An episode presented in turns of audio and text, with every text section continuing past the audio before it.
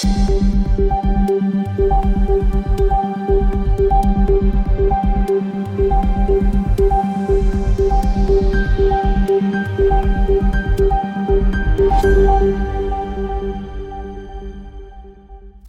tilbake til Krimnytt, en podkast for deg som ønsker å følge med på aktuelle true crime-saker.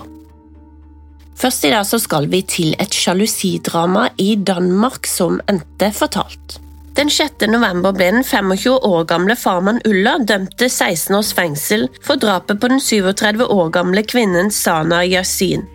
Farmann Ulla ble dømt til 16 års fengsel og utvisning for bestandig i retten i Holleck, Danmark. Hans medskyldige Sana sin 34 år gamle lesbiske venninne og ekskjæreste ble dømt til å sone på en institusjon for personer med psykiske handikap. Farmann ble dømt for å ha knivstukket Sana 78 ganger den 3. november 2022. Drapet ble begått på parkeringsplassen foran hennes arbeidsplass på pleiehjemmet ved Samsøyvei i Holbæk. Sana døde etter få minutter, og barnet hun hadde i magen, en liten gutt, ble trygt tatt ut ved keisersnitt av legene på sykehuset. Men fire dager etter døde også den lille gutten. Den medskyldige kvinnen, som også er afghansk statsborger, ble dømt for medvirkning til drap. Hun og Sana hadde sammen rømt til Danmark i 2011, og bodde sammen helt frem til Sana ble drept men Sana hadde avslutta forholdet med den 34 år gamle kvinnen, og på en ferie hadde Sana møtt en mann som hun endte opp med å bli gravid med. Farmann og den 34 år gamle kvinnen skal ha innleda et forhold i tiden før Sana ble drept. Under rettssaken fortalte advokat Anja Lund retten at hun var overbevist om at paret også hadde planlagt at Sanas ufødte barn skulle bli drept. Sana var syv måneder på vei, og retten mente at det var skjerpende omstendigheter, og at straffen derfor måtte minst være 16 år. Elektronisk data viser farmannen beveger seg vekk fra åstedet bare fire minutter etter Sana forlot parkeringsplassen. Sana, som ble knivstukket 78 ganger, fikk halsen skåret over, og magen var kuttet opp på den ene siden. Det var dette som overbeviste retten om at farmann også var ute etter å drepe det ufødte barnet. I retten hevda farmans forsvarer at det brutale drapet tyda på at det var begått i affekt, og at straffen dermed ikke burde ligge høyere enn ti år. Retten tok altså ikke hensyn til dette og idømte farmann 16 år fengsel og utvisning fra Danmark for alltid. Rettslegen hadde anbefalt at den 34 år gamle kvinnen ble dømt til å være på en institusjon for mennesker med ulike typer psykiske handikap, noe retten tok hensyn til da hun ble erklært lettere mentalt handikappa. Det ble ikke satt noe tidsramme for hennes opphold, men den dagen hun skrives ut, så blir hun utvist direkte til Afghanistan. Dette på tross av at hennes forsvarer hadde argumentert for at hennes liv ville være i fare pga. hennes legning om hun ble sendt tilbake til Afghanistan. Hun ble i tillegg fradømt retten til å arve Sana. Retten mente at drapet var motivert av sjalusi og sinne. Selv om motivet ikke har vært helt klart, har det blitt bevist at det var både sjalusi og en del konflikter mellom partene i tiden før drapet. Diverse lydklipp og samtaler mellom Sana og hennes venner tegner et bilde av den 34 år gamle kvinnen som ulykkelig forelsket i Sana, og svært misfornøyd med hennes forhold til andre menn. Hun hadde også truet Sana flere ganger på livet. Da paret ankom Danmark i 2011, hadde Sana raskt lært seg dansk, fått seg jobb og begynt å tjene penger. Hun ble godt integrert i det danske samfunnet. Den 34 år gamle kvinnen hadde derimot en skjørere syke og ble etter hvert helt avhengig av Sana, og turte nesten ikke gå ut uten henne.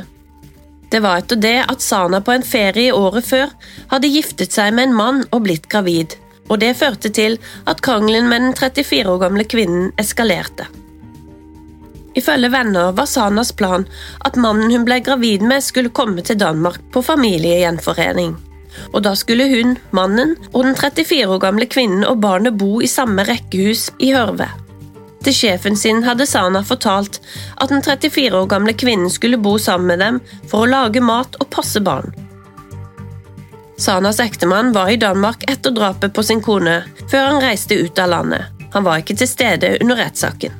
Den nå dømte 25-åringen Faram og den 34 år gamle kvinnen og Sana møtte hverandre på TikTok. Etter noen måneder bekjentskap kom han til Danmark for å besøke dem. Han har fortalt at han ble forelska i den 34 år gamle kvinnen, og han hadde også fridd til henne. Den 34 år gamle kvinnen fortalte i retten at hun hadde sagt nei til frieriet, men venner av kvinnen sa at dette ikke stemte. De forklarte i retten at hun hadde fortalt dem at hun ville gifte seg med Farham, men at Sana forsøkte å forhindre giftermålet. Drapet skal de to dømte ha planlagt over appen WhatsApp, og de var i kontakt helt frem til drapet og like etter. Retten fant det bevist utover enhver tvil at begge var medvirkende i drapet, selv om begge benekta skyld. Den 34 år gamle kvinnen har godtatt dommen, mens Faram har anket sin. Så fra Danmark skal vi til Sverige. I mai i år ble den 21 år gamle Alexander Andersen dømt til 12 års fengsel for grov voldtekt på barn, seksuell utnyttelse av barn og flere andre brudd på barnepornografiloven. Saken ble rulla opp da Alexander Andersen ble pågrepet av politiet for å ha lokka to jenter med til et hotellrom med penger og alkohol for å så voldta dem. Inne på rommet hadde han trua jentene med å kutte over halsen på dem om de ikke kledde av seg, ifølge jentene. Jentene skal ha flere ganger sagt nei. Den ene jenta kontakta sin far, og han kunne se på en app hvilket hotell jentene oppholdt seg på. Han reiste rett ut for å konfrontere Alexander, men han stakk da faren ankom stedet. Faren rakk derimot å ta et bilde av han som førte til en rask arrestasjon. Etter arrestasjonen nekta han for å ha voldtatt jentene, og mente i stedet at jentene hadde forsøkt å presse ham for penger. Men da politiet ransaka boligen til Alexander, fant de store mengder med overgrepsmateriale. Rundt 10 000 bilder og 460 filmer. De fleste var av materiale av mindreårige barn. På datamaskinen fant også politiet ut at Alexander var en drivende kraft i den nazistiske skinhead-gruppa Svea Skins. Han hadde også koblinger til andre nazigrupper. Veggene i hjemmet hans skal ha vært dekka av nazi- og høyreekstrem propaganda. Det mest absurde er kanskje at politiet fant en lapp som hang på veggen hans med teksten 'Dødsstraff for pedofili', og på en chattegruppe skal han ha skrevet følgende 'Alle pedofile fortjener å dø'. Det burde være dødsstraff på det, men selvsagt har vi ikke det i Sverige, for her beskyttes de pedofile av demokratiet. Alexander nekta i retten for omtrent alt han var blitt sikta for. Han mente bestemt at han ikke kjente noen attraksjon til barn, og påpekte at pedofili kunne føre til dødsstraff i hans omgangskrets og ideologi. Han ble ikke trodd av tingretten. Han ble dømt for flere tilfeller av voldtekt på barn, og det yngste fire år gammelt. Han ble altså dømt til tolv års fengsel i mai og til å betale erstatning til 15 av sine ofre, på en totalsum på litt over 1 million. Dommen ble anka av begge parter. Alexander ønska frifinnelse, mens ofrene ville se at han fikk lengre straff. I ankesaken 2.11. ble Alexander dømt for ytterligere to tilfeller av voldtekt mot barn. Lagmannsretten satte straffen på elleve år altså ett år mindre enn det han fikk i tingretten i første instans. Lagmannsretten begrunna dette med at de fleste av bruddene var mildere enn hva tingretten hadde lagt til grunn, og at de fleste handlingene hadde blitt begått før han fylte 21 år. Og så til nok en sak fra Danmark. Søndag 5. november ble en 18-åring varetektsfengsla i 15 dager for knivstikking på Amager i København.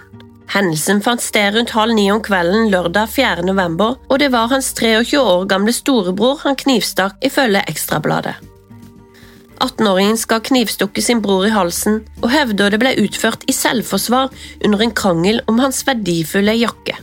Ifølge 18-åringens forklaring tok han seg til Amago sammen med to venner for å oppsøke storebroren sin. Årsaken var at han ville ha tilbake sin dyre jakke som storebroren hadde lånt av ham. Storebroren derimot mente at han skulle beholde jakka, og nekta å gi den tilbake til lillebroren. Det oppstod da ifølge 18-åringen en krangel. Under krangelen skal storebroren ha dratt lillebroren inn i en blokkoppgang, og her skal han ha gitt lillebroren en skalle i tillegg til å ha slått ham fem-seks ganger i hodet. Det mens han satt oppå brystkassa hans. Det var da 18-åringen ifølge han selv dro frem kniven og stakk sin bror. Han forklarte at han hadde dratt med seg kniven til Amago for å true og skremme sin bror til å gi han tilbake jakka. I retten fortalte han at storebroren hadde vært voldelig mot han flere ganger, og det var derfor han var redd storebroren sin. Han hevda med dette at knivstikkingen var selvforsvar. Storebroren ble ikke livstruende skada av knivstikken i halsen, men han måtte opereres. 23-åringen har ikke ønska å la seg avhøre av politiet. 18-åringen hevder seg ikke skyldig og har anka varetektsfengslingen. Så så gal har verden blitt at brødre slåss og knivstikker hverandre pga. en dyr jakke. Til slutt i dag på Krimnytt så er det en liten oppdatering i Jonas Aaseth Henriksen-saken. Det har jo vært en stund nå siden vi har hørt noe, og vi vet jo at det sitter fem sikta for drap eller medvirkning til drap. Og nå har politiet gått ut med at Jonas ble skutt. Det er jo noe VG gikk ut med ganske tidlig i denne saken, men det er altså nå bekrefta av politiet.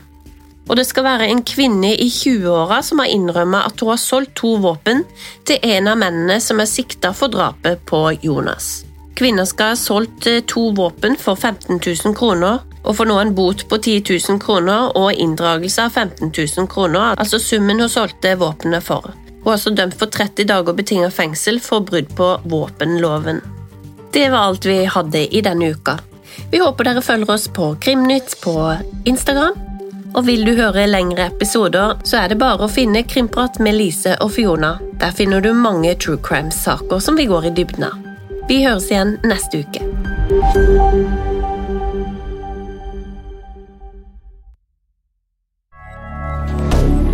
Moderne media.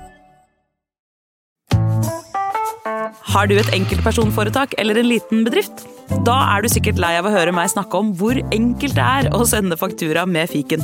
Så vi gir oss her, fordi vi liker enkelt. Fiken superenkelt regnskap. Prøv gratis på fiken.no.